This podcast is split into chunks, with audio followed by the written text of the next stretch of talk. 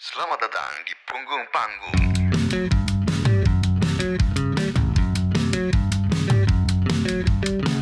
Ini kita akan kembali ini ya bersama uh, Tulus dan Aji yang tadi malam atau kemarin malam sudah membahas lagu-lagu Indonesia yang menarik banget di program Tes Tes Plus Plus. Terima kasih banyak yang sudah nonton kemarin, seru banget obrolannya.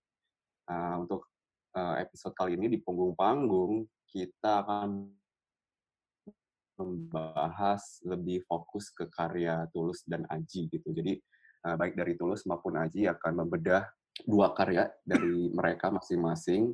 Kita akan mengetahui uh, kisah di baliknya dapurnya seperti apa tentang dua lagu tersebut ya dari Tulus dan Anji. Mungkin gue sapa dulu kali ya Tulus dan Halo, Anji. guys. Halo, selamat malam Malam, Tulus gila, dan Anji. malam. Eh, itu dia. Marni. Marni. Marni. Marni umurnya berapa sih, Tulus? Tiga tahun. Eh, itu dia. Itu ada yang delay. Double, double. Oh, Double, double. Oke. Sorry, sorry, Oke, eh, gue juga mau mengingatkan ya teman-teman kalau ada yang mau bertanya kepada Tulus maupun Aji tentang eh, karya mereka boleh banget di kolom komentar dan eh, juga kalau mau yang ingin berdon- berdonasi kita ada QR code di di di template-nya kalian bisa berdonasi untuk mendukung acara ini. Eh, apalagi gue gue opening jadi bingung gini tiba-tiba Mungkin gue gue jelasin Lo kali ini ya, lo grogi ketemu Marni ya? Jadi fungsi punggung panggung ini apa sih kalau tes tes itu kan secara struktur kita ngedengerin musik eh, musik lalu kita bahas dari musik dari ber- rilisan dari berbagai tempat gitu ya dan narasumbernya kan dua. Nah hari ini itu karya-karya dari narasumber yang eh, kita undang gitu. Kenapa ini penting? Karena sering kali saat mendengar sebuah karya cara kita menginterpretasikan dengan banyak informasi sebenarnya yang di yang menjadi alasan kenapa karya tersebut ditulis oleh si uh, musisinya itu uh, Hmm. banyak informasi yang menarik digali. Nah ini tuh banyak kan uh, sudut pandangnya bisa dari lirik, bisa dari notasi, aransemen, dari produksi gitu. Jadi uh, dan punggung-panggung ini menariknya tidak ada aturan khusus gimana caranya teman-teman narasumber kita untuk meng-unfold gitu ya cerita di balik lagu-lagunya. Jadi uh, gue excited banget untuk tahu uh, ini sih uh, insight-insight cerita dari dua lagu masing-masing dari Tulus dan Kuto aja juga yang akan didengerin hari ini. Dan tadi kata Pram bener, kalau teman-teman lihat QR code di layar teman-teman sekarang itu adalah untuk donasi. Donasi ini uh, juga dibutuhkan, cia dibutuhkan.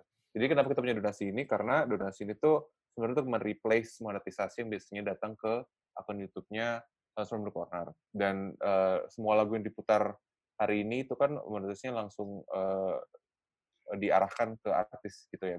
Berarti uh, ini sebenarnya untuk mensupport kalau teman-teman suka sama acara panggung dan tes, ingin juga misalnya shout out uh,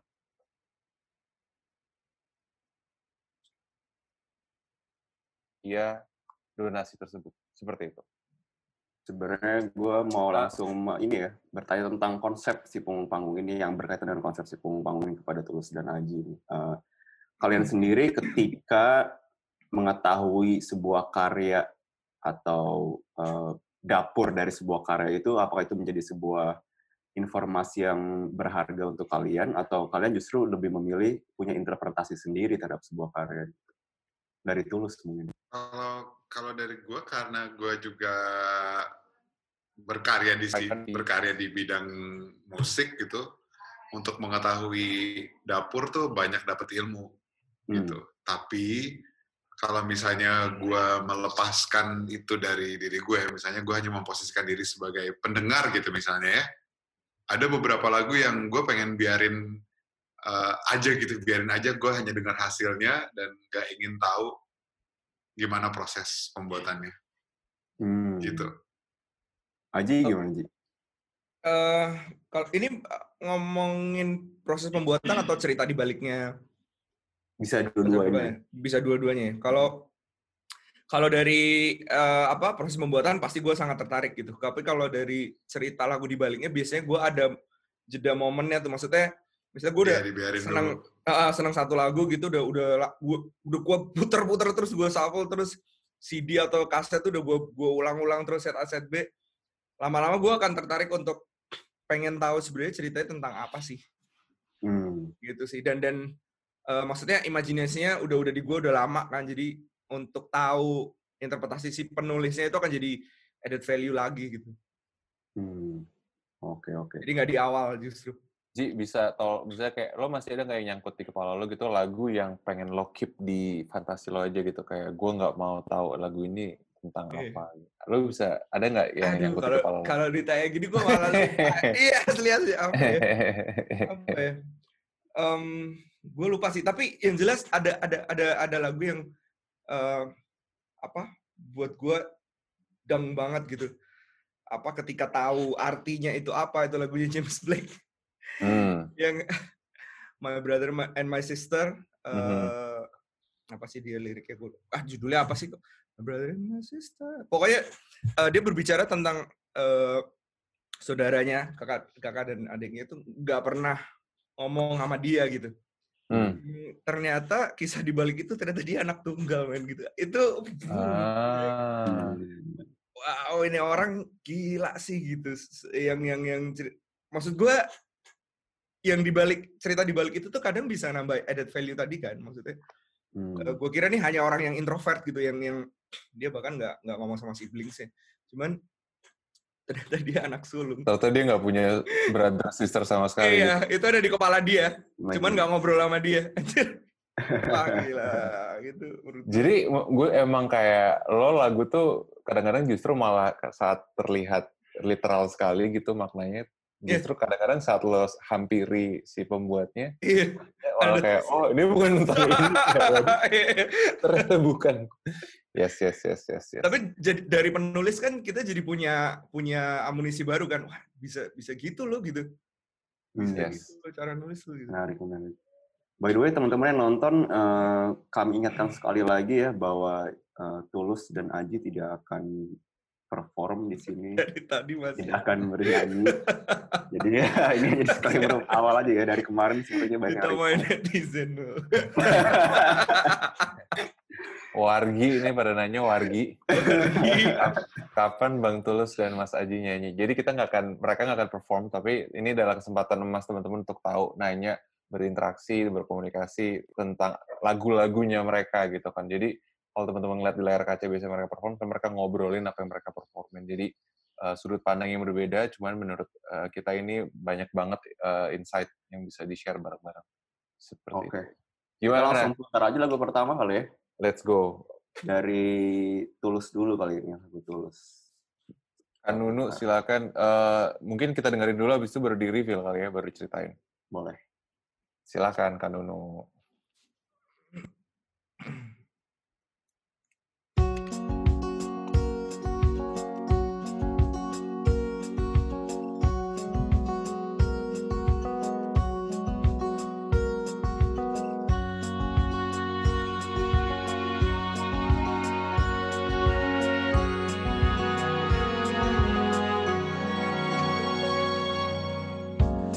Lembaran foto hitam putih Aku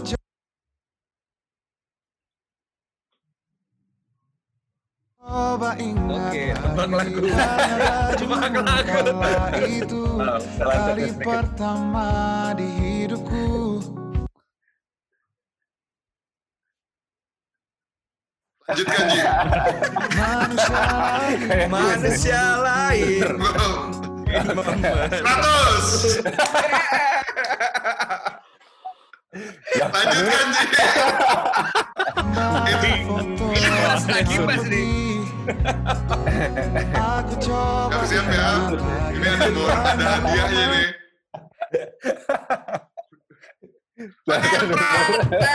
Saya, saya, saya. Lanjutkan dulu. Wangi rumah coklat baru. Lanjutkan, Pram. Oke, gini gini. durasinya durasinya jadi panjang.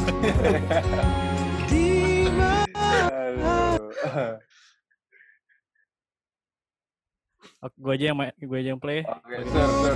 Bajakan nih Surya nih. Suryo, kita Di maaf, glodok lo ya. Teman-teman, ini kekusukannya agak terganggu karena Iya. koneksi koneksi Kak Kak Nunu, Nunu. Kak Nunu, terus Dangdut anjir. Surya, yang harja gitu. Tadi yang jawab kita- benar siapa aja ya dapat dapat hadiah ya. Eh, ini kita apa namanya? Eh, eh, eh, eh, salah. Sorry, sorry. Eh, tadi Suryo yang harusnya muter kayaknya koneksinya lagi kurang baik. Jadi kita tukar ke Kanunu ya. nomor 2, Mas produser. Silakan Dim, Oh, whenever you ready. Eh, apa judulnya? Iya, langsung ketahuan dong. Monokrom ya. Maaf teman-teman. Biar seru aja. Gimik kayak gimmick. Gue juga jadi inget, Hah? Belum. Ingat apa gue? Gue jadi inget kuis itu, kuis Yang Jajan Miharja. gitu kan? yang kalau kuis joget dangdut itu kan ada yang kayak stop yang- gitu. Iya berhenti Iya, langsung. tahan. Terus dia Jangan dia nggak nama pada bang jajannya gitu. Iya. itu kalau dibikin versi, versi digitalnya seru juga. Mungkin lagu, mungkin lagunya nggak monokrom kali ya. Iya, iya. Terlalu terlalu sans. Oke, siap? Tiga tim. Tiga, dua, satu. 嗯。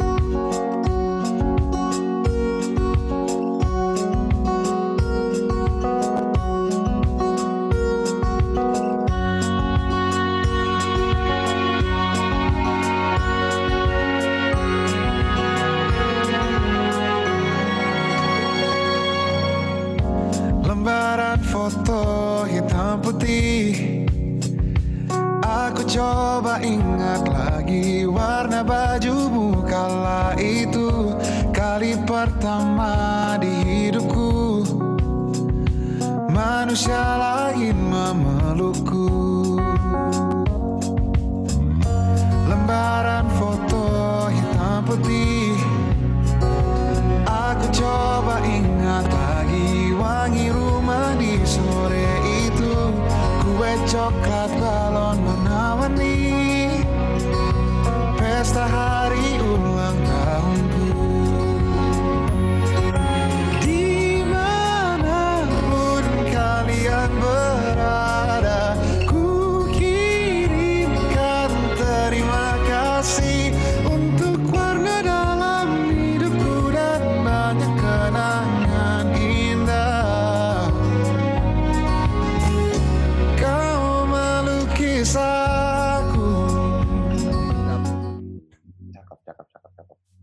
Em, Pram, gue banyak punya, gue punya beberapa pertanyaan already. Lo mau nanya gimana? Nah, gimana? dulu deh. Oke. Oke, banyak sih sebenarnya. Gue juga. Dulu deh gue. Eh, ini, ini warna Mana nih kakak-kakak? Iya. Pitch control kamu, Cik. Oh, gue mau nanya, ini kan ada, eh, misalnya di, di, di bait pertama gitu ya, kan ada, gue ngerasa first impression lagu ini langsung kayak lo reminisce sebuah memori yang nampaknya eh, memang lekat banget di diri lo gitu ya. Hmm. Em, lo tipikal yang ber, bukan bergantung ya, yang yang yang bersandar sama memori itu untuk untuk selalu terinspirasi nulis nggak sih? Terus kalau bisa cerita. Hmm, iya ya, kayaknya Hmm. begitu ya. Kayak gitu. Kan ada ada orang yang Gue dia, nggak, gua nggak pernah Iya. ngeh tentang ini sebelum lo tanya. Hmm, Tapi karena setelah dipikir-pikir, iya ya, benar Iya, ya. Kayaknya lirik iya. ini kayak lo lo di bait pertama lo mention soal warna baju, lo mention soal lembaran foto hitam putih, lo lagi ngeliat war- eh, lagi ingat-ingat warna baju itu. Itu uh, sounds like something yang kayak oh ini memori yang, yang detail banget yang gue ingat di kepala gue gitu. Hmm. Iya, Dan eh, lo emang selalu kayak gitu kalau nulis lagu. Lo kan ada orang yang kayak oh gue tadi kayak misalnya Aji bilang oh James Blake tuh ternyata dia berfantasi tentang punya saudara. Itu kan sesuatu yang dia nggak punya, lalu dia memfantasikan itu. Kalau lagu ini kayaknya sesuatu yang lo look back ke sesuatu yang yang yang nempel banget di hidup lo gitu ya. kayaknya untuk untuk lagu yang temanya personal itu eh, memori-memori yang bagi gue berharga itu gue bisa ingat dengan sangat detail, Hmm. dengan sangat detail dan rasanya eh, cukup bisa dipanggil lagi si memori untuk untuk untuk dituangkan ke lagu kalau memang dia seberharga dan atau seberkesan itu sih. Gitu. Hmm. Baik. Gue mau nanya yang dari lumayan awal dulu kali tulus kayak Ya. ini kan dari 2016 ya album ini 2000 berapa sih? Gue lupa. 2016 ya. Iya kayaknya 2016. Atau Iya, iya. 2017 ya 2016. Itu apakah saat karya yang pertama lo buat di dalam album monokrom atau di tengah atau gimana? Masih ingat nggak lo? Hmm, Lagu ini Heeh. eh, di suatu kalau nggak salah hari Kamis sih di suatu Kamis gue lagi nyetir sendiri Hmm. terus tiba-tiba eh gue kayak nyanyi sambil nyetir tiba-tiba kepikiran di mana pun kalian berada gitu terus gue langsung wah ini lagu baru nih ini lagu baru dan langsung gue beresin saat itu juga jadi lagu ini gue tulis sambil nyetir sih dan Hmm. akhirnya lagu ini bisa dibilang lagu yang terakhir-terakhir diselesaikan kayaknya. Terakhir-terakhir lagu-lagu yang udah mulai di di belakang-belakang proses pembuatan si album ketiga itu. Dan kemudian Oh. eh, album itu dikasih judul monokrom. Gitu. Hmm. Tapi memang spirit besar dari album monokrom itu kan tentang selebrasi kehidupan ya. Hmm. gue mencoba untuk merayakan kehidupan dari sudut pandang gue lewat album itu dalam rangka bersyukur. Nah mungkin karena secara konstan itu terus yang dijadikan pagar untuk gue berkreasi menulis lirik per lirik. Setelah banyak lagu yang terkumpul, muncullah si monokrom ini. Gitu. Oh, Oke. Ada alasan kenapa, maksudnya selain eh, ada alasan kenapa itu nama albumnya, kayak particularly monokrom itu? Karena lagu ini yang eh, apa ya bisa jadi Kalau gua- sama Iya kayak jadi wajah terdepannya gitu loh Teguh. Jadi kayak Hmm. dia kayaknya dia bisa bisa jadi wajah terdepan yang bisa uh, merepresentasikan spirit albumnya secara keseluruhan gitu. Dan makanya judul judul lagunya dipilih jadi judul album. Hmm. Sampai Gua si lagu ini ada itu gue belum kepikiran judul albumnya mau apa. Oh gitu. Iya. Oh, Yes, yes, menarik. yes, yes. Gue mau nanya ini sih sebenarnya eh, kemarin kan Teguh udah sempat mention bahwa pemilihan kosakata eh, lo dalam nulis lirik gitu ya. Hmm. Eh, tapi yang mau gue highlight sekarang adalah eh, perspektif lo dalam dalam melihat sesuatu gitu ya. Hmm. Kayak di album sebelumnya ada mungkin eh, sepatu gitu, sepasang sepatu, jangan cintai aku apa adanya. Hmm. Di monokrom ini lu di monokrom ini yang kita tahu hitam putih tapi di dalamnya lu menyebut warna-warni hidup lo gitu. Ya. Itu tuh sudut pandang yang gua rasa kayak lo punya eh, sikap membangkang gitu ya, yang tidak ingin common gitu. Itu datang dari mana? Waduh. kayak gitu. Terus kayak kayak gue nggak mau yang biasa di sudut pandangnya gitu datang dari mana? Apakah Sebetulnya dari kecil? Gitu? sebetulnya sejujurnya tidak ada usaha ke arah situ sih. Hmm. tapi eh, mungkin eh, kepribadian gue sebagai seorang penulis yang lebih banyak berbicara tanpa sepenuhnya gue sadari gitu. Hmm. Jadi kita kan kalau misalnya dalam proses berkarya gitu, kayak eh, gue gue di obrolan keseharian atau aji gitu, sa- sama-sama nulis lagu juga di obrolan keseharian itu akan bisa bisa sangat berbeda ketika eh, kita itu sudah di apa ya sudah di alam penciptaan karya gitu. Hmm. Jadi tidak sepenuhnya tidak sepenuhnya kita bisa menyadari dan tidak tidak juga sepenuhnya kita bisa berstrategi. Dalam proses pembuatan lagu gua dari lagu per lagu yang gua rasakan tidak ada yang disengaja atau dibentuk gitu. Jadi mungkin kalau karyanya yang sudah terbentuk seperti apa yang lo dengar dan lo bisa kasih persepsi itu gue rasa akan sangat sulit buat gue juga cari tahu kenapa bisa begitu ya karena dia kayak gue bingung gitu dia saya udah jadi gitu tapi gue Oh. ngerti sih pertanyaan Iya, iya, iya. dia Karena menarik banget sih dengan dengan sudut pandang seperti itu gitu ya, yang, yang Eh, mungkin banyak orang yang bisa bisa saja menolak sudut pandang lo gitu tapi akhir pada akhirnya outputnya tetap diterima banyak orang Ini kayak Aji sekarang dia kan repot banget nih. Kemarin ganti-ganti headphone, sekarang ngapain nggak tahu. ganti layar kan Ganti baju mungkin. Kita lagi ngobrol serius, Ji. Pas gue ngeliat yang layarnya Aji, "Ah, kenapa kita dikasih baju? Ya oke lanjut, lanjut, lanjut, lanjut, lanjut, lanjut, lanjut, lanjut. Gue punya pertanyaan.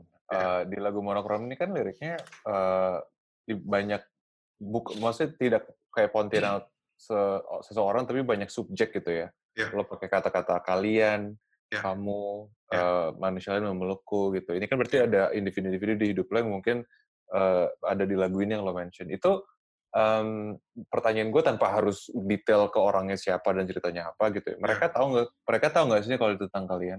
Eh, Beberapa- tentang mereka. Beberapa, beberapa tahu dan kayaknya bukan beberapa, semua yang ada di lagu ini tahu.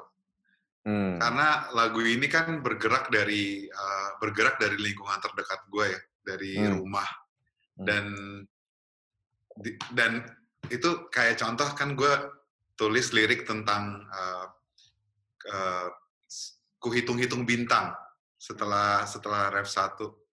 Kembali teringat malamku hitung-hitung bintang itu tuh itu secara instan itu pasti akan jelas siapa yang membuat gue menghitung-hitung bintang. Jadi dulu Hmm. waktu gue kecil, kalau gue susah tidur, itu gue waktu gue lagi belajar untuk tidur sendiri, tidur sendiri di kamar sendiri, itu gue diajarin sama kakak gue untuk coba hitung-hitung bintang sampai nanti ketiduran. Hmm. Dan bintang-bintang yang gue hitung itu betul-betul bintang yang di, ditempel di atas plafon. Bintang-bintang yang glow in the dark, tau oh iya Oh, yes. Yang zaman dulu yang kalau li- lampunya mati, ada Ah, ini ya. bintangnya nyala. Iya. Jadi, Lo gampang juga tidurnya berarti ya. eh, ya, dan, itu, dan itu jadi kebiasaan sampai sekarang. Ini kalau gue Oh, didiemin, gitu. kalau kalian diemin, bentar lagi gue, eh, Tenang aja tinggal ganti background aja nih Iya, biasanya. iya, iya. ya Oh. gitu. Jadi setiap setiap penggalan-penggalan ceritanya itu sangat persa- sangat personal untuk gue pribadi, tapi juga eh, sangat mudah juga untuk ditangkap dan membangkitkan memori di pihak yang ada di memori itu bersama gue. Apakah itu membantu mengurai atau malah mengu, me- apa ya? Ya mengurai mungkin ya, mengurai relationship lo sama mereka gitu. Karena misalnya kita ada di sesi kemarin gitu ada satu orang ada ada narasumber kita yang kayak oh karena gue nulis lagu ini buat eh, orang tua gue, and then ini jadi sesuatu yang malah beneficial ke hubungan gue sama dia gitu. Apakah Hmm. lagu-lagu lagu-lagu ini lantas lantas punya value itu terhadap kehidupan pribadi lo? Iya, karena Hmm. lagu karena setiap setiap lagu yang kita ciptakan tuh eh, kalau misalnya bisa bukan bukan dimiliki secara legal ya, tapi maksudnya ada rasa memiliki di setiap yang mendengarkan secara bersama-sama, semakin luas itu kan semakin semakin bikin kita ngerasa apa ya, ngerasa berhasil gitu nulis lagunya. ya. Jadi dengan menyebutkan figur-figur terdekat gua di dalam eh, lagu ini, jadinya gue merasa memiliki lagu ini bersama-sama. Menarik. Ram? kita ini kali ya eh, coba membacakan pertanyaan dari para. Para Ini kalau di kalau tiba-tiba gue ditanya pertanyaan teknis, gue udah bingung nih. Tapi gue udah siapin nih. Kita bisa telepon Bang Ari kalau misalnya. Oh iya, boleh. Silakan, boleh. silakan, silakan, silakan. Curang. Ya biarin Ji, kan gue gak bisa ngejelasin apa-apa Ji. Ya udah teleponnya dulu. Itu tadi gue kan gue nanti kalau pertanyaannya teknis teknis gue gak ngerti sih. Kayaknya minta tolong minta tolong Bang Ari kali ya. Oke, Pram, gue meneruskan nih. Eh, oh, ini pertanyaan menarik. Eh, Abdan Syaifur Rahman nanya ke Tulus dan Kunto Aji jadi dua. Seberapa penting sih intro dan outro ada dalam albu- album? Mengingat keduanya memiliki album dengan intro dan outro. Ini kayak mungkin lagu, lagu pembuka gitu ya. eh, Oh di, album. di album keseluruhan Iya, gitu. jadi jadi Aji ada dulu kali. lagu pembuka, lagu penutup. Sepenting apa? Lalu pendapat tentang hal itu dari pandangan masing-masing. Kali. Silakan Ji. Aji dulu. Aji dulu. Tapi ini kan kalau gue mau di ini nanti. Mau di Iya, sih, nanti Oh. dia mau di, mau dipasang lagunya. Ya udah kalau gitu anjir.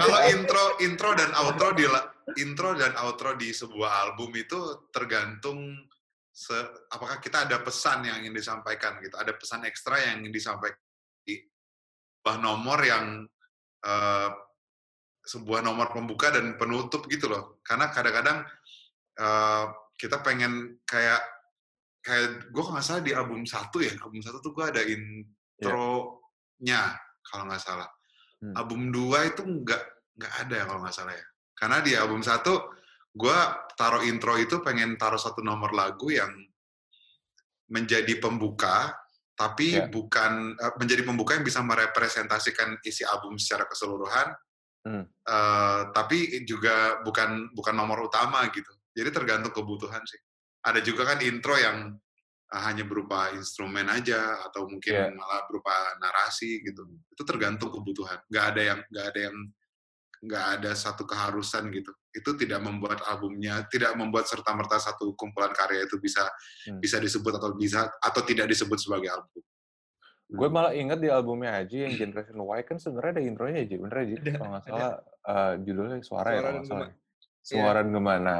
Eta, gue pengen nanya itu. Eh, kalau Suara dan Gema itu kan ya fungsinya sama, pendekatannya agak berbeda gitu. Eh, itu gimana eh, lo waktu itu saat bikin eh, dua karya itu di Generation Y? Kalau itu eh yang jelas pasti gue berangkat dari tema besar. Eh intro itu membawa kita untuk masuk ke vibe albumnya seperti apa, apa yang mau di di om, obrolin Eh, di album Generation Y sih memang eh, dia jadi bukan konklusi ya, tapi jatuhnya kayak eh summary kurang lebih Hmm. apa yang diobrolin tentang tema ini gitu. Jadi eh sam, sama sih patternnya jadi kayak di album 2 gitu ada ada perbedaan sedikit di liriknya untuk menjelaskan jadi seperti intronya itu lo masuk ke gerbang outronya apa yang lo dapat tadi setelah di ruangan itu gitu Baik. Jadi- By the way, ini eh, nampaknya Mas Ari sudah masuk, tulus. Mungkin eh, Mas Ari bisa di unmute eh, dan bang Ari selamat malam. Malam, halo halo. Halo. oh Bang Ari Selamat malam.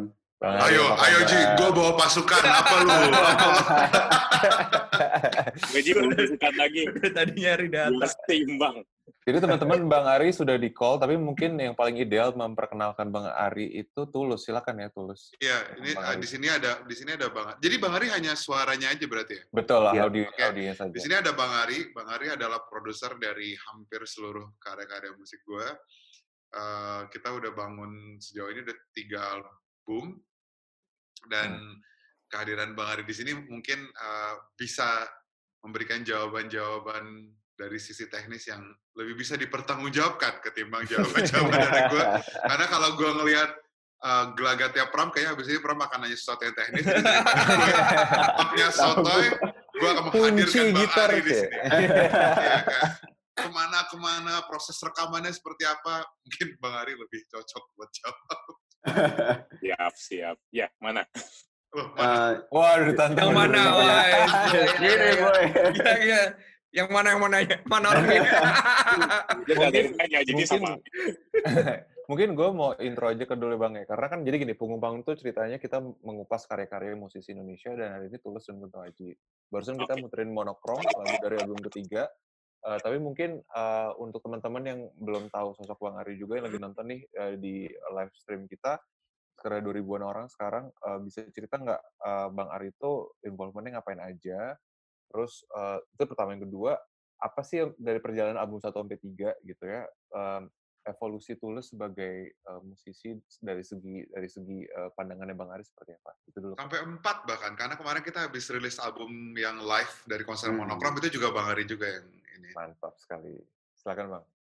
Apa ya, jadi ya fungsi saya ya ngeproduserin ya. Jadi ya sebenarnya sih produs musik produser itu kan ya jadi kasarnya kita menjaga si karya itu untuk dari awal sampai akhir hingga jadi master ya cuman kalau di sini saya sebagai produser juga saya sekaligus arranger nah, jadi di sini memang ada timbal balik dari saya dengan tulus berkarya tulus terutama dengan lirik dan punya melodi terus oh ini bikin chordnya seperti ini habis itu oh aransemennya seperti ini nah itu banyak brainstorming lah kita jadi eh, ya banyak sekali kita banyak ngayalnya, banyak penerawangnya, banyak debatnya, banyak ya namanya bikin karya bareng ya gitu. Jadi Hmm. ya kita banyak naik turunnya juga, kadang-kadang moodnya sama-sama bagus, ada yang enggak, ada yang gimana gitu. Terus kalau evolusi dari album pertama sampai sekarang ya kerasa banget sih gitu. Kita waktu pertama mungkin baru kenalan, terus Hmm. eh, baru kita sama-sama malu-malu mungkin ya, masih Ah, malu-malu. masih malu-malu, habis itu lama-lama contek kan gitu. Enggak juga. Jadi, Masih malu-malu, lama-lama malu-maluin. Nah, ya betul kayak gitu bisa.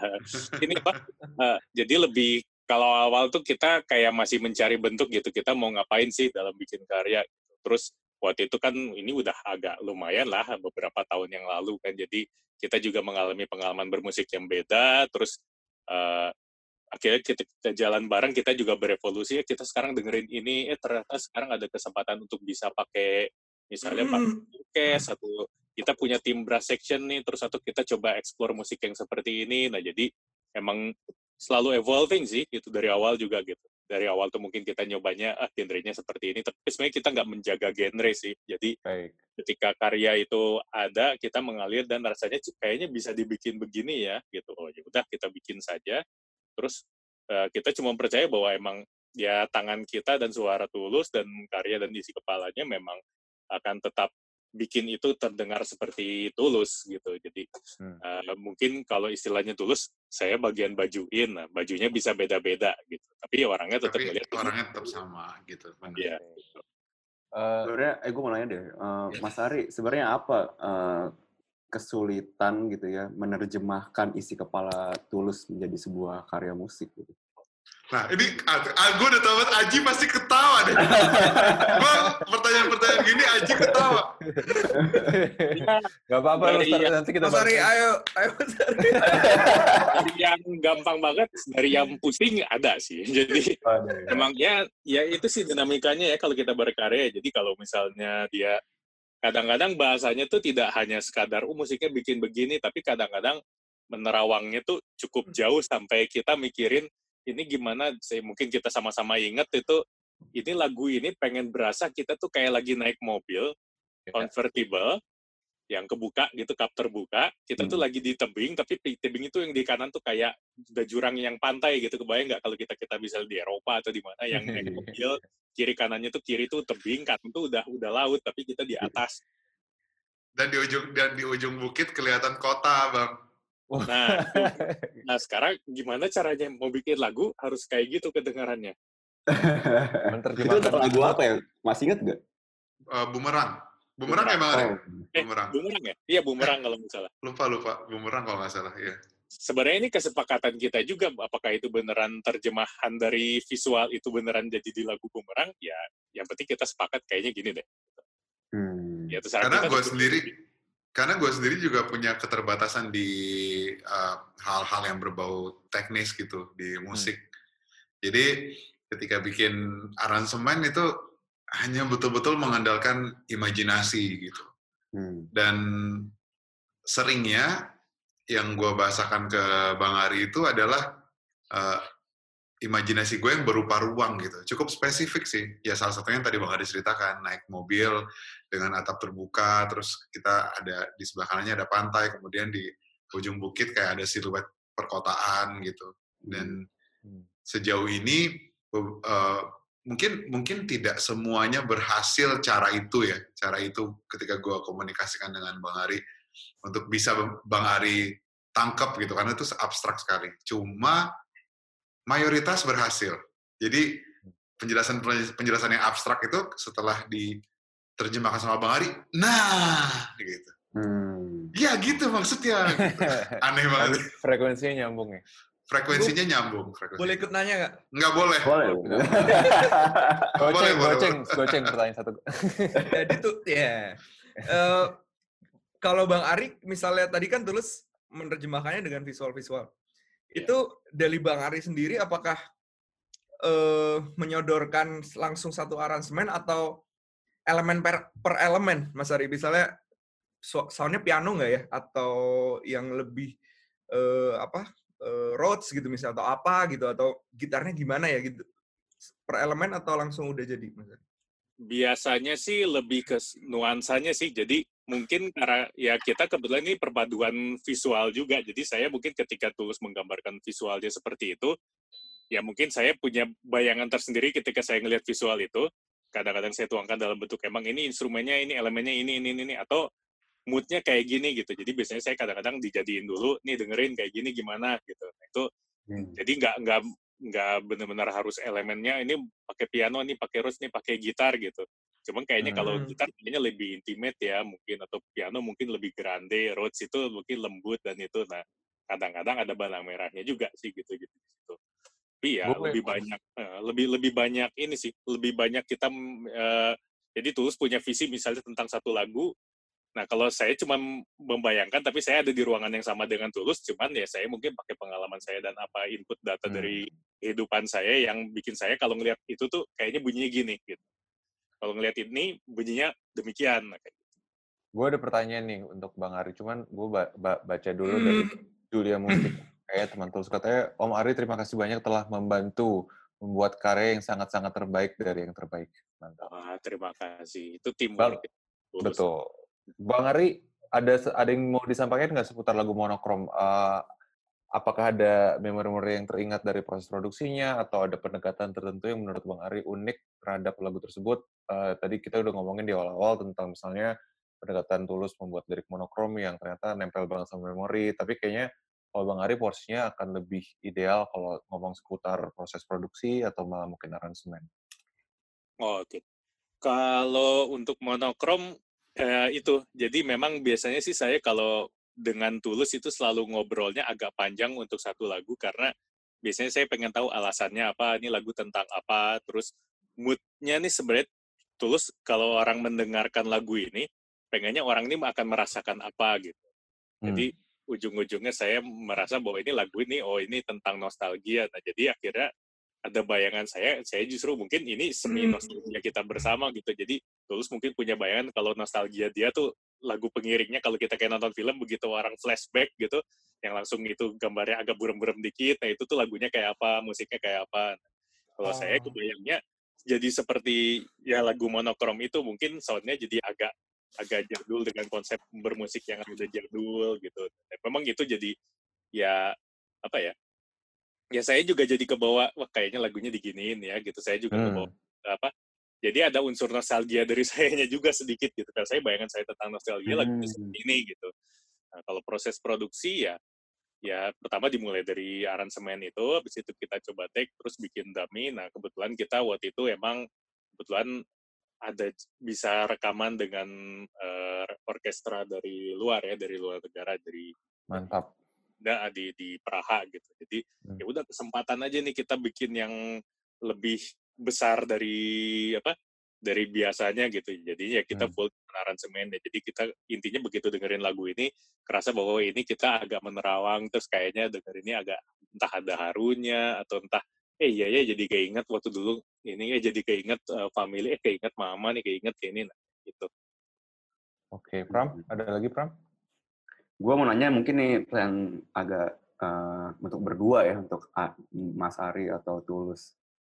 Apa yang membuat kalian eh, bisa dibilang terus berproses atau berkreatif bersama hingga hari ini gitu? Menurut kalian apa yang membuat kalian sangat Nempel bareng terus gitu ya? iya Hmm. tiga empat album tiga album penuh satu album live tuh bukan waktu yang sebentar gitu. Sepakat Tapi gue. apa yang membuat kalian terus dari Mas Ari kali? mungkin itu sih yang tadi kita bahas sih. Jadi ya bikin lama itu jadinya kita ya diskusinya banyak. Jadi dan ketika hasilnya jadi kayak ada semangat juga dari kitanya, wah karyanya bisa kayak gini ya. Gitu. Terus saya juga biasanya selalu pernah saya bilang juga sama Tulus gitu. Sebenarnya impian saya kalau untuk bikin karya itu mungkin kadang-kadang tidak untuk konsumsi publik aja gitu atau konsumsi publik itu ya syukurlah kalau orang bisa suka dengan karya kita tapi yang terutama itu sayanya sendiri ketika bikin karya itu hasilnya sayanya juga senang terus suatu saat mungkin saya punya anak punya cucu ini kasih denger ini punya kakek nih bikin Hmm. musik dulu kayak gini gitu atau ke anak Hmm. ini papa dulu bikin lagu kayak gini loh gitu jadi kita tuh juga ada bangganya terhadap lagu-lagu itu dan mungkin mindset itu yang selama ini kita pakai selama kita bikin karya. Jadi saya selalu semangat aja sih, aduh pengen nih bikin sampai bagus deh, aduh ini pengen sampai bagus gitu. Nggak, nggak hanya sekedarnya bikin, udah jadi nggak kayak gitu. Baik. Tulus mungkin? Dari gue, uh, yang tadi disampaikan Bang Ari, persis gue juga kurang lebih seperti itu yang gue rasakan, tapi mungkin uh, yang lebih ekstra lagi buat gue kenapa kita uh, bisa bekerja bareng-bareng sejauh ini, karena dalam proses dalam proses gue bermusik itu uh, bareng sama Bang Ari itu tidak hanya di studio aja gitu, karena kan kita bermusik itu kan terus terus terus terus ya, jadi uh, karir berkembang, kemudian juga uh, kita sebagai pribadi juga pasti kan ada proses evolusi dan uh, selama proses evolusi itu Bang Ari adalah uh, sahabat gue yang tidak hanya memberikan uh, berupa masukan dan saran di studio saja, tapi juga di luar studio itu gue banyak sekali dapat masukan dan saran yang membuat gue dari hari ke hari merasa hubungan kerjasama gue dengan Bang Ari sebagai produser gue itu uh, sangat berharga untuk terus diperjuangkan keberlangsungannya setidaknya sampai hari ini. Gitu. Baik, uh, mungkin uh, karena sudah ini ya uh, kita uh, aware soal waktu, tapi gue punya mungkin pertanyaan penutup sebelum mungkin Bang Ari uh, bisa uh, apa namanya bisa kembali istirahat di rumah, c. Bang Ari, jadi gini, salah satu kenapa acara kenapa ada punggung-panggung karena ih Marni, hai, uh, kita pengen kita pengen teman-teman yang nonton sekarang tuh tahu bahwa musik tuh gak cuma tentang manggung di atas panggung atau perform sebagai artis, tapi ada ada sosok-sosok yang membantu mereka di kiri kanan gitu. Dan Bang Ari ini kan sebagai produser jadi uh, tokoh kunci juga di karirnya Tulus gitu ya uh, di empat album terakhir gitu. Gimana sih Bang kalau mau jadi kalau teman-teman mau jadi produser gitu ya kalau kayak ah oh, gue pengen jadi sosok seperti Bang Ari gitu dan uh, mungkin gue tau gue tau mungkin penjelasannya panjang banget tapi kalau harus di summary apa langkah-langkah yang bisa dilakukan teman-teman kalau mereka pengen mulai belajar menjadi produser musik? Oke. Kalau untuk teknis sih ya mungkin klise jadi ya paling standar ya kita belajar musik, kita banyak dengerin musik, kita banyak uh, ini apa ya banyak cari tahu. Kalau untuk summary umum sih yang secara umum ya kalau saya sih ya selalu berusaha belajar, selalu berusaha mendengar, uh, selalu open mind, selalu berpikiran terbuka, dan uh, kalau saya sih bilang bahwa pengalaman buat saya tuh uh, tetap uh, tidak dijad, bisa dijadikan patokan karena akan selalu ada hal baru, mungkin hal baru yang mungkin bisa dimiliki bukan oleh angkatan saya tapi mungkin di bawah dan kita bisa belajar dari mana saja. Mungkin kita belajar sama yang ketika kita sampai titik tertentu misalnya uh, ternyata yang angkatan di bawah-bawah kita malah punya ide, oh bisa bikin musik kayak gini, oh bisa punya ide entah bikin apa karya itu, entah musik, entah apa pun itu, kok bisa kepikiran kayak gitu. Nah, kita belajar dari yang bawah itu jangan sampai gengsi aja. Pokoknya kita belajar hmm. dari mana, terus uh, kita open mind, kita dengar, nah itu kita bisa mengolah sendiri dan kita akhirnya punya identitas sendiri yang lebih kaya. Mantap sekali. Um, Prab, mungkin kita bisa lanjut ke lagu berikutnya ya? Boleh. Sebelumnya terima kasih banyak ya. Terima kasih Bang Ari Renaldi. Ari, terima kasih Bang. Sama-sama. Ari, sehat-sehat. Insya Allah sehat selalu. Selamat malam. Dan lain-lain semua. Ya. Thank you, thank you. Nah, ini saatnya kita datang ke lagu kedua di punggung panggung, itu lagunya Aji. Tapi seperti biasa, tugas gue membacakan donasi-donasi yang sudah masuk. Thank you sekali teman-teman atas supportnya terhadap acara ini. Ada Hasabi, katanya semangat permusik Indonesia terus berkembang. Thank you. Ada aku, tapi nggak ada pesannya nih, gue juga nggak tahu. Ada Nai Nai, kangen lihat lihat Mas Kun manggung lagi sehat-sehat ya Mas Kun biar besok Amin, bisa berrehat bareng lagi. Hashtag sobat rehat mantap. Uh, Putri katanya apakah malam ini janjian dress code monokrom untuk Bang Tulus dan Mas Kun? Terima kasih sudah menanyakan karya yang mengagumkan. Irena Yun, asli cuma mau tanya, Tulus punya baju hitam berapa sih di rumah? Kalau nggak mau jawab, nggak apa-apa. Yang penting kalian sehat selalu. 20 lembar. 20 lembar. Ini namanya keren banget nih, bocah indie, keren bocah ini. Salam buat salam buat Haji Gito di Kalibata. Ini kayak sonora. uh, Fatu, istri saya fans beratnya Tulus dari Java Jazz 2013. Wih, lama. Sukses selalu buat Tulus dan Bang Haji. Gita Petty, sukses selalu untuk kalian semua. Thanks for the good talks. Terima kasih. Darmawan, semangat Mas Tulus. My Fortnite katanya salam buat Fortnite semoga sehat selalu stay awesome guys. Monokrom katanya sukses selalu semoga terus menghibur dan menginspirasi. Ada Get sukses selalu STC, ada Tinok Sugeng Dalu mas-mas semua, ada Ara selalu berkarya Katus dan Kaji Aduh. dua-duanya. Aduh, maaf, maaf. Kenapa? Kucing, kucing Oh. gue nginjek ini barusan. Sorry, sorry, sorry. Marni bandel. Eh, Inggi katanya duo idol aku, Love. Mei, suka banget lagu mengagumi dari jauhnya tulus. Eh, ada juga Yuhu, jangan lupa senyum. Liv, terakhir malam ini terbaik. Eh, malam ini terbalik Mas Aji yang ngantuk katanya.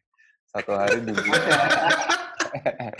satu hari di bulan Juni dan topik semalam top. Salam untuk Marni. Terima kasih dua malamnya sehat-sehat semua. Mantap sekali.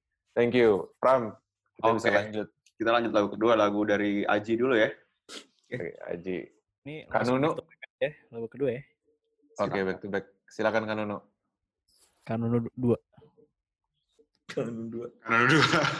Bukanlah ikatanmu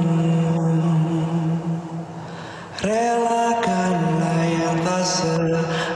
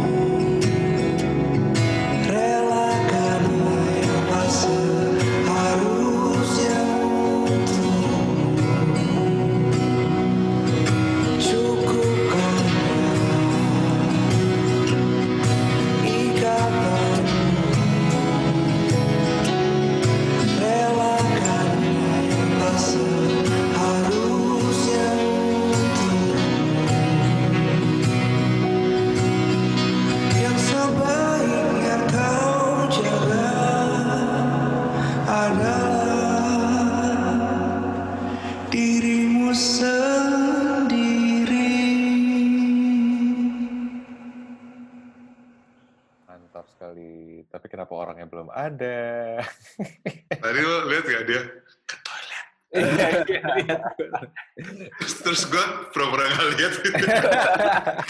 Biarin aja dia bingung sendiri. Mumpung nggak ada orangnya kita gosipin aja bagaimana? ini oke, jadi sebelum Aji datang, eh, lo pas eh, denger ini tulus eh, apa yang lo pikirin dan apa perasaan lo terhadap eh, intro dan outro lagu ini, Sulung dan Bungsu? Uh, Satu pengalaman yang gue uh, paling membekas setelah sekian lama gue mendengarkan nomor ini, waktu kemarin pas aja konser. Jadi gue ngerasa, wah memang memang kekuatan lirik tuh menurut gue luar biasa ya. Kekuatan lirik tuh luar biasa. Eh, Sebenarnya dia bisa betul-betul daya daya getarnya bisa sebegitu kuatnya, walaupun penyampaiannya sangat sederhana gitu. Ini kan satu satu bentukan lirik singkat yang melodinya diulang-ulang, diulang-ulang sebelum Hmm. dia uh, menyampaikan pesan besarnya di ujung gitu. Hmm. Dan gue pribadi nggak keberatan sama sekali kalau satu lagu isinya ini diulang-ulang terus, karena memang apa yang disampaikan itu adalah sesuatu yang mungkin uh, banyak banyak dari kita yang nggak menyadari itu perlu, nggak menyadari bahwa itu uh, se- seharusnya kita lakukan. Ada hal yang mesti kita sudahi, ada hal yang mesti kita uh, ada hal yang mungkin selama ini kita jaga baik-baik sebenarnya itu nggak baik buat kita gitu-gitu loh. Hmm. Jadi, jadi kayak dari dari dari satu dari satu baris ke baris berikutnya walaupun diulang-ulang tuh interpretasinya bisa beda-beda karena kan Hmm. manusia kan apa da, apa kita kan mengingat itu kan dari dari lembar per lembar ya. Betul. Jadi diba- dibacakan lirik yang sama, mungkin kita ingatnya apa, kemudian liriknya sama lagi ingatnya apa gitu. Jadi lagunya tuh yang bikin dia jadi berbadan itu adalah interpretasi dari kita yang mendengar. Hmm. Ini mumpung nggak ada orang ini tulus, eh gue pengen nanya lo kalau Hmm. lihat Aji dari, maksud, ya datang. Ah, Dia udah, nungguin udah, udah, dia. Udah, lagu berikutnya, lagu gue lagi deh. Kirain mau gue tanyain ya. Nah ini deh gue mau nanyain, gue Kan mau gue sambil nonton ya. sambil nonton kalian ngomong apa. gue gue tadi mau nanyain satu yang eh, tentang Aji cuman nggak jadi deh Eh, ntar aja soal takut GR aja males Udah, udah. nah Next lagu berikutnya. Lagu tulus lagi. Terima kasih tulus penjelasannya. Thank you. Ini di sini posisi gue sebagai jubirnya Aji ya. Iya, iya. manager Eh, tadi sih gue malah jadi udah nanya tulus nih Ji gara-gara tadi lo ke belakang mungkin eh, dan tadi menurut gue penjelasan tulus menarik banget tapi dari Eh, yang udah empunya empunya lagu udah bener semua. Dari yang empunya lagu dulu kali ya apa eh, kenapa ada sulung dan bungsu bungsu kenapa namanya sulung dan bungsu ada eh, muatan lirik apa di situ kalau bisa share sama kita Ya. eh, Bismillahirrahmanirrahim. Beda nih orangnya sama yang tadi. Beda, beda, beda. Dulu Pemain pengganti lah. Enggak, itu itu awal-awal yang baik, cuman kayak energinya bukan energi untuk mau menjelaskan lagu. beda Itu nih awal yang baik. ya. Kayak beda orang. beda orang Dari mana ya jelasin deh. Em, yang jelas lagu ini itu dibuat terakhir setelah eh, lagu-lagu dari albumnya selesai gitu. Eh, tema besarnya kan udah udah ada dari awal gitu. Terus gue mencoba untuk gimana eh, caranya orang masuk ke apa? Masuk ke satu. Jadi sebelum sebelum gue ngeluarin album mantra-mantra kan gue sempet ngeluarin demo tuh. Ada isinya lima lagu ya overthink. Hmm. Eh, di situ menunjukkan bahwa ada pergeseran dari dari musik gue yang album pertama ke album kedua. Nah, gue merasa eh, apa intro outro menjadi penting wala- walaupun album sebelumnya juga ada ya. Tapi ini jadi jadi lebih penting untuk eh, pergeseran ini sejauh apa, apa yang mau gue ceritain di sini gitu. Makanya eh, apa terciptalah eh, sulung dan bungsu ini kalau kalian menangkap dari segi liriknya itu kalau mau ngomongin liriknya. Terus lo tadi di, dirapel sih pertanyaannya gue gue lupa nih. kenapa sulung? Kenapa judulnya sulung dan bungsu ya? Iya. Em, berangkat dari gue, gue merasa ada isu-isu tersendiri sebagai awalnya gue sebagai anak sulung em, yang membuat gue akhirnya menulis album ini hal-hal yang yang yang yang menurut gue eh, cukup problematik dalam diri gue adalah salah satunya salah satu triggernya adalah gara-gara itu gitu Hmm. jadi gue istilahnya em, menginterpretasikannya dengan dengan dengan apa jenjang urutan anak gitu sulung dan bungsu sebagai sebagai eh, penutupnya Apakah lo bersedia untuk share sama kita concern tersebut Eh, apa? enggak enggak sih Oh, enggak. Iya, iya, iya. ya nggak apa-apa, kita apa-apa, menghargai. iya, Kita iya, iya. menghargai, ya, Itu kita kita Eh, imagine. hipnotis dulu dong hipnotis dulu dong Oh ya udah, Gue hipnotis. Iya. Cie. Oke, nggak apa-apa. Kalau kalau kalau nggak mau eh, nggak apa-apa. Eh, kita totally emang appreciate. Tapi menurut gue eh Sultan Bungsu ini kan sesuatu yang yang tadi lo bilang sebenarnya konfliknya selalu ada dan kayak ini nggak cuma tentang lo doang, tapi mungkin semua orang yang punya saudara gitu. Atau malah tadi kayak James Blake nggak punya saudara, malah dia juga punya konflik tersendiri karena dia malah memikirkan saudara gitu kan Iya, iya. Sesuatu yang apalagi lu bikin intro outro yang yang relevansinya bisa reach-nya luas banget gitu karena semua orang Iya. ngerti maksud maksudnya sulung dan bungsu itu apa dan bisa Iya. relate situ. gitu. Iya, iya, iya. Pendekatan yang baik sekali sih menurut gue. Yang gue mau tanya, katanya sih gue sempat baca deh Ji, kalau urutan lagu di mantra-mantra itu sudah disesuaikan, sudah diatur ya untuk Iya, iya. alasan Iya. tertentu gitu. Bisa, bisa, bisa jelasin nggak sih Ji? Iya, eh, lagu-lagu di mantra-mantra itu memang disusun eh, sedemikian rupa. eh, ya ini gue membicarakan tentang hal yang akhirnya ketika gue punya satu tema besar yang pengen gue tulis, kan gue eh, riset kecil-kecilan lah. Maksudnya gue ngobrol dengan profesional, gue eh, baca, bla bla segala macem. Eh, dan kebetulan juga gue mengalami, jadi nggak risetnya nggak usah terlalu jauh ini sebenarnya terinspirasi dari eh, apa sebuah kayak psikoterapi gitu sih. Jadi Hmm. jadi memang dibuat lo untuk mengingat sesuatu, Hmm. dibuat lo untuk dipilu membiru, lo mengingat sesuatu yang lebih tidak menyenangkan lagi gitu. Setelah itu lo dikasih rehat, setelah itu lo dikasih bungsu sebagai kesimpulan dari si sulung yang ada di awal itu untuk lo bisa menjadi manusia eh, yang utuh menerima kekurangan lo, menerima kesedihan lo. Itu karena eh apa? Ya gua gua nggak berhak ngomong ini karena gue bukan profesional, tapi itu yang gua tangkep dari sesi eh, eh, sebuah sesi psikoterapi gitu. Salah satunya adalah untuk kita jadi kalau di stage of grief katanya untuk kita bisa bisa apa eh, mengikhlaskan itu kita harus menghadapi rasa traumanya dulu gitu. Hmm. gitu. Menarik sih karena eh eh, Aji tadi sempat menjelaskan bahwa kayak ketika lo ingin menciptakan sebuah karya yang begitu dalam ya Aji menciptakan beberapa begitu karya begitu dalam di mantra-mantra karena Aji sudah melewati fase itu gitu Ji ya, bisa dibilang ya ya. Lu lu bisa bahagia lu bisa membuat lagu yang bahagia karena lu pernah bahagia gitu lu ya ya lu bisa men- mem- membuat lagu yang rock bottom karena lu pernah mengalami rock bottom iya, gitu ya. iya. Bisa dibilang seperti itu ya di mantra-mantra. Iya, iya.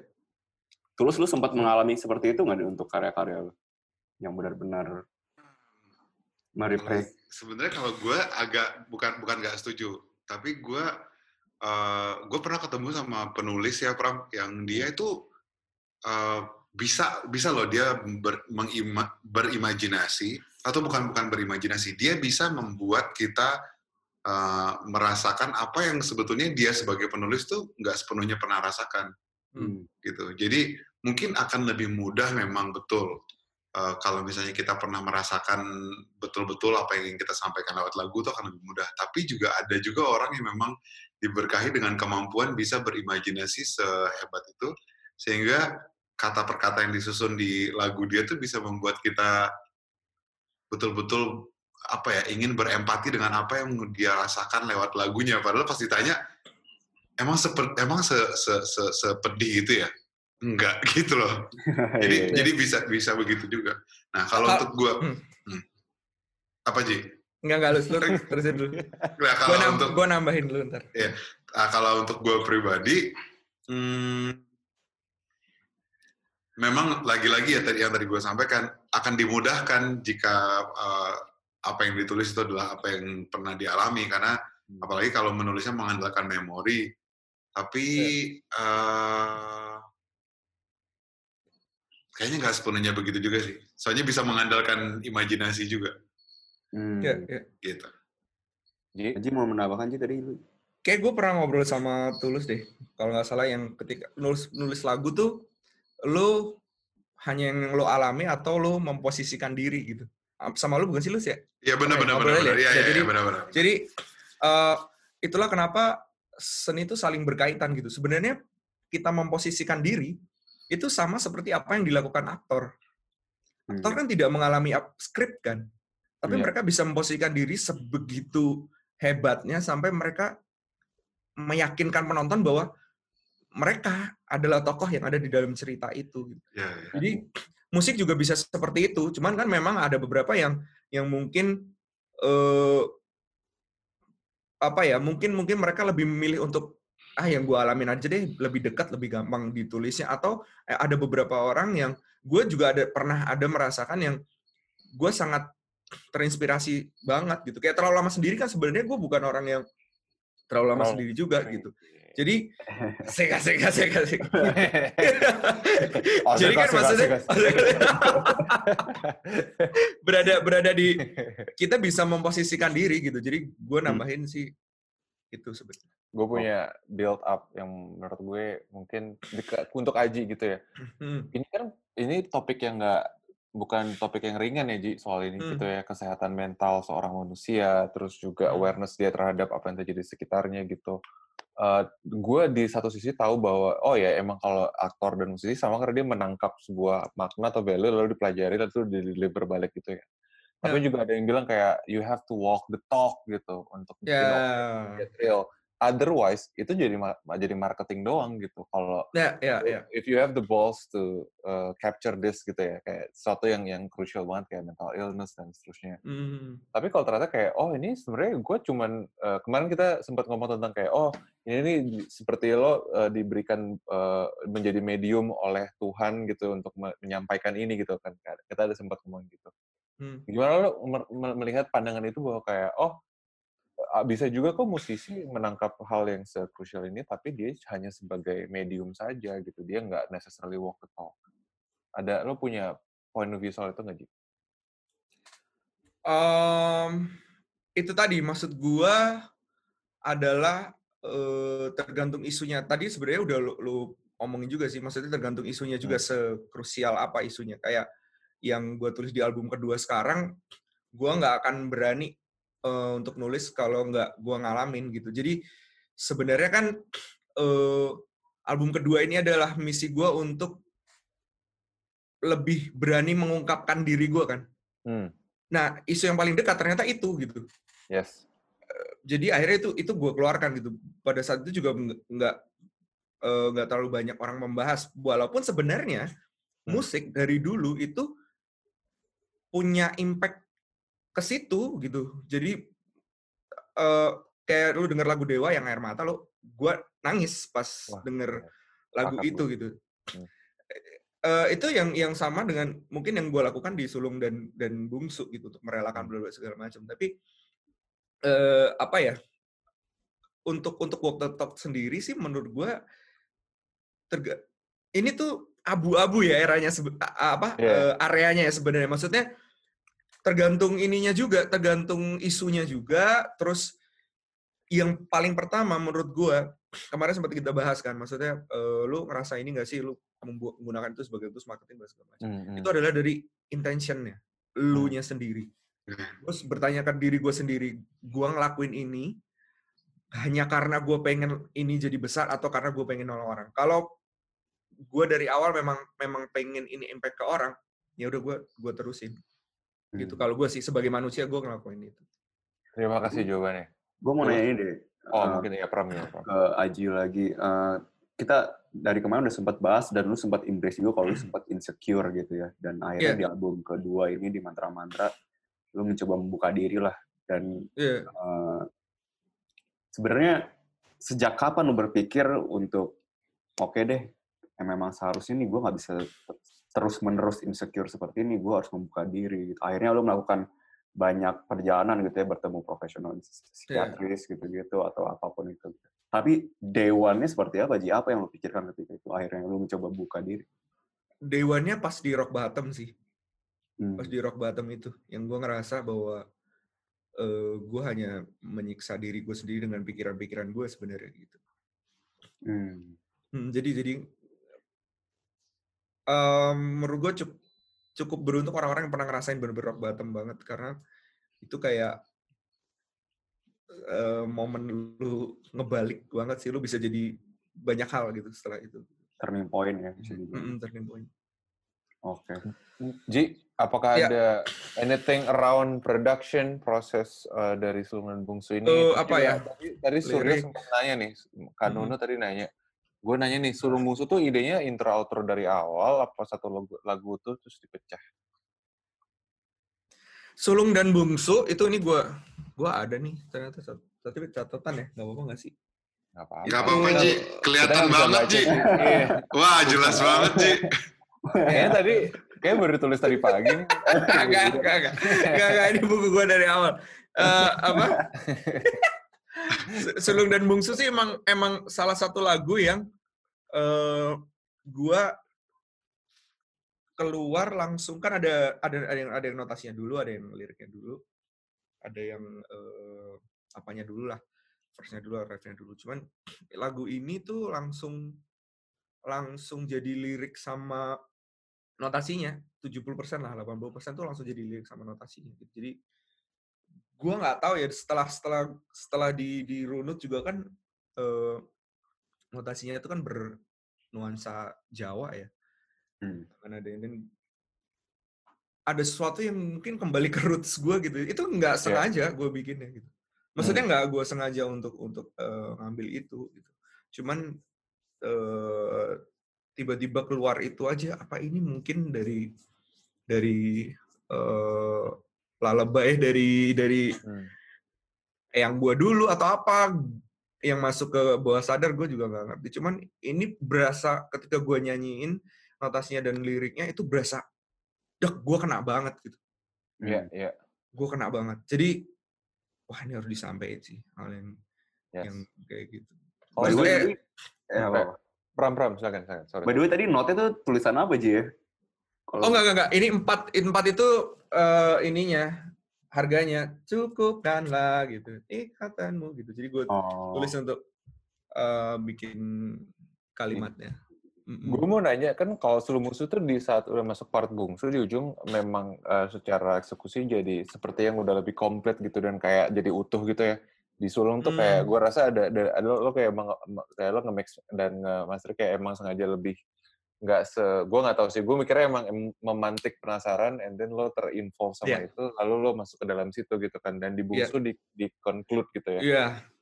Eh, ada i- i- lu bisa bawa kita perjalanan kayak dari proses produksi itu nggak emang lo kayak pengen yang oh ini gue pengennya emang eh, unfinished atau lebih Iya, lebih iya, eh, iya. lebih raw apa gimana? Sulung itu gue memang pengen terdengar seperti menuju sesuatu, tapi ternyata tidak diselesaikan gitu. Eh, Hmm. di situ gue pengen lebih hening, lebih lebih eh, apa, lebih dekat gitu ke rasanya. Akhirnya cuman vokal, gitar dan beberapa aransemen eh, apa eh, dari saxophone yang di, di ini.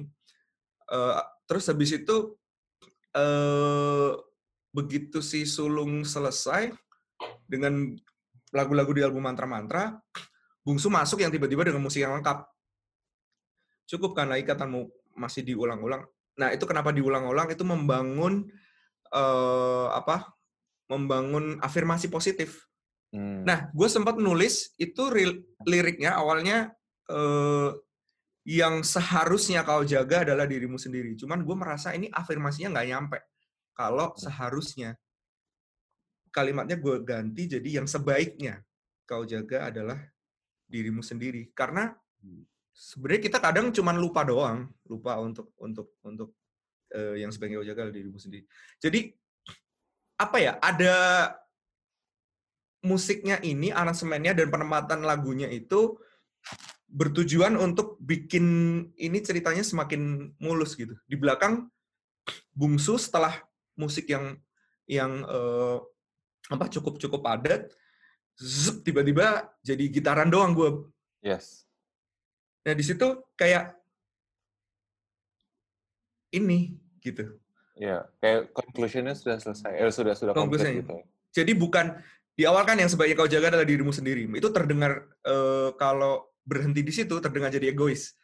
Tapi di Hmm. belakang eh, sebelum kau menjaga, merawat, melindungi segala yang berarti, yang sebaiknya kau jaga adalah dirimu sendiri. Balik lagi. Ah, jadi memang ini kayak hint, bukan hint ya, kayak emang piece yang memang dikonstruk seperti itu Iya. agar pendengarnya Iya. terinvolve sama the whole journey and then di ujung dia punya conclusion gitu ya. Iya, ini kayak kayak lo lagi mikir malam-malam aja sih. Kayak biasanya kan lu pasti mikir kan bertahap kan. Hmm. Eh, layer gitu. Gua wah gue harus ini nih diri gue sendiri tapi tapi nyokap gue gimana gimana oh iya sebelum gue bisa jaga mereka gue harus jaga diri gue sendiri akhirnya balik lagi ke situ gitu Hmm. Gue mau nanya deh masalah lirik untuk mungkin untuk berdua nih untuk Tulus dan Aji. Hmm. Siapa sih yang bisa dibilang shape kalian dalam penulisan lirik bahasa Indonesia nih? Karena kalian berdua sangat diakui banget nih penulisan liriknya yang wah menarik banget, unik segala macam. Tapi sebenarnya ada nggak sih sosok yang yang mengasah kemampuan kalian menulis bahasa Indonesia gitu dari Aji mungkin? Kalau gue sih, nah bela- belakangan ini gue tuh menulis lirik eh, apa bahasa Indonesia itu. Jadi gini, gue sempat sempat mengalami kesulitan untuk menulis lirik bahasa Indonesia. Hmm. Gue baru tahu, gue baru ketemu kenapa gue kesulitan karena gue nonton film pasti bahasa Inggris, gue baca Hmm. artikel pasti bahasa Inggris, gue baca komik pasti bahasa Inggris. Itu sangat berpengaruh ternyata gitu. Jadi ketika gue butuh untuk menulis lirik bahasa bahasa Indonesia, eh, yang gue baca justru malah bukan karya jadi, bukan karya sastra, tapi gue suka banget sama tulisan jurnalistik yang punya struktur yang bagus, yang yang eh, apa vocabulary bahasa Indonesia-nya juga luas, baku, tapi tapi bagus gitu. Salah satunya gue nggak mau orangnya GR sih, tapi gue suka banget baca tulisannya Teguh. Bahasa Indonesia dia. Gue gue suka artikel-artikel bahasa Indonesia justru malah. Jadi bukan karya sastra yang yang yang Hmm. yang sejauh ini mempengaruhi gue. Bukan karya jadi. Tulus siapa Tulus? bingung loh mau jawabnya apa karena menurut gue itu akumulasi sih ya Eh, banyak-banyak kalau misalnya dari gue pribadi itu akumulasi ya apa yang apa yang dibaca apa yang didengar dari kecil kemudian latar belakang kebudayaan kita masa kecilnya di mana gitu menurut gue akan sangat panjang penjabarannya dan akan sangat sulit kalau misalnya mengerucutkan itu ke satu atau bahkan dua tiga nama gitu. Kalau Hmm. buat gue sekarang ya. Karena cara kita cara kita berkarya em, itu kan sangat erat kaitannya dengan cara kita berbahasa gitu. Dan cara kita berbahasa itu bisa sampai di titik tertentu itu pasti banyak sekali ininya ya faktor-faktornya Baru dari. Menarik, menarik. Ram, apakah sudah waktunya kita lanjut? next song. boleh next song ya? padahal AC-nya udah gue matiin loh Sepoi-sepoi. Oh, By the way, ini Frank, Frankie Huta Barat bilang lagu Shena Malsiana kemarin yang diputar Mas Kun jadi lagu favorit diputar sepanjang hari. Terima kasih referensinya. Mantap. Keren.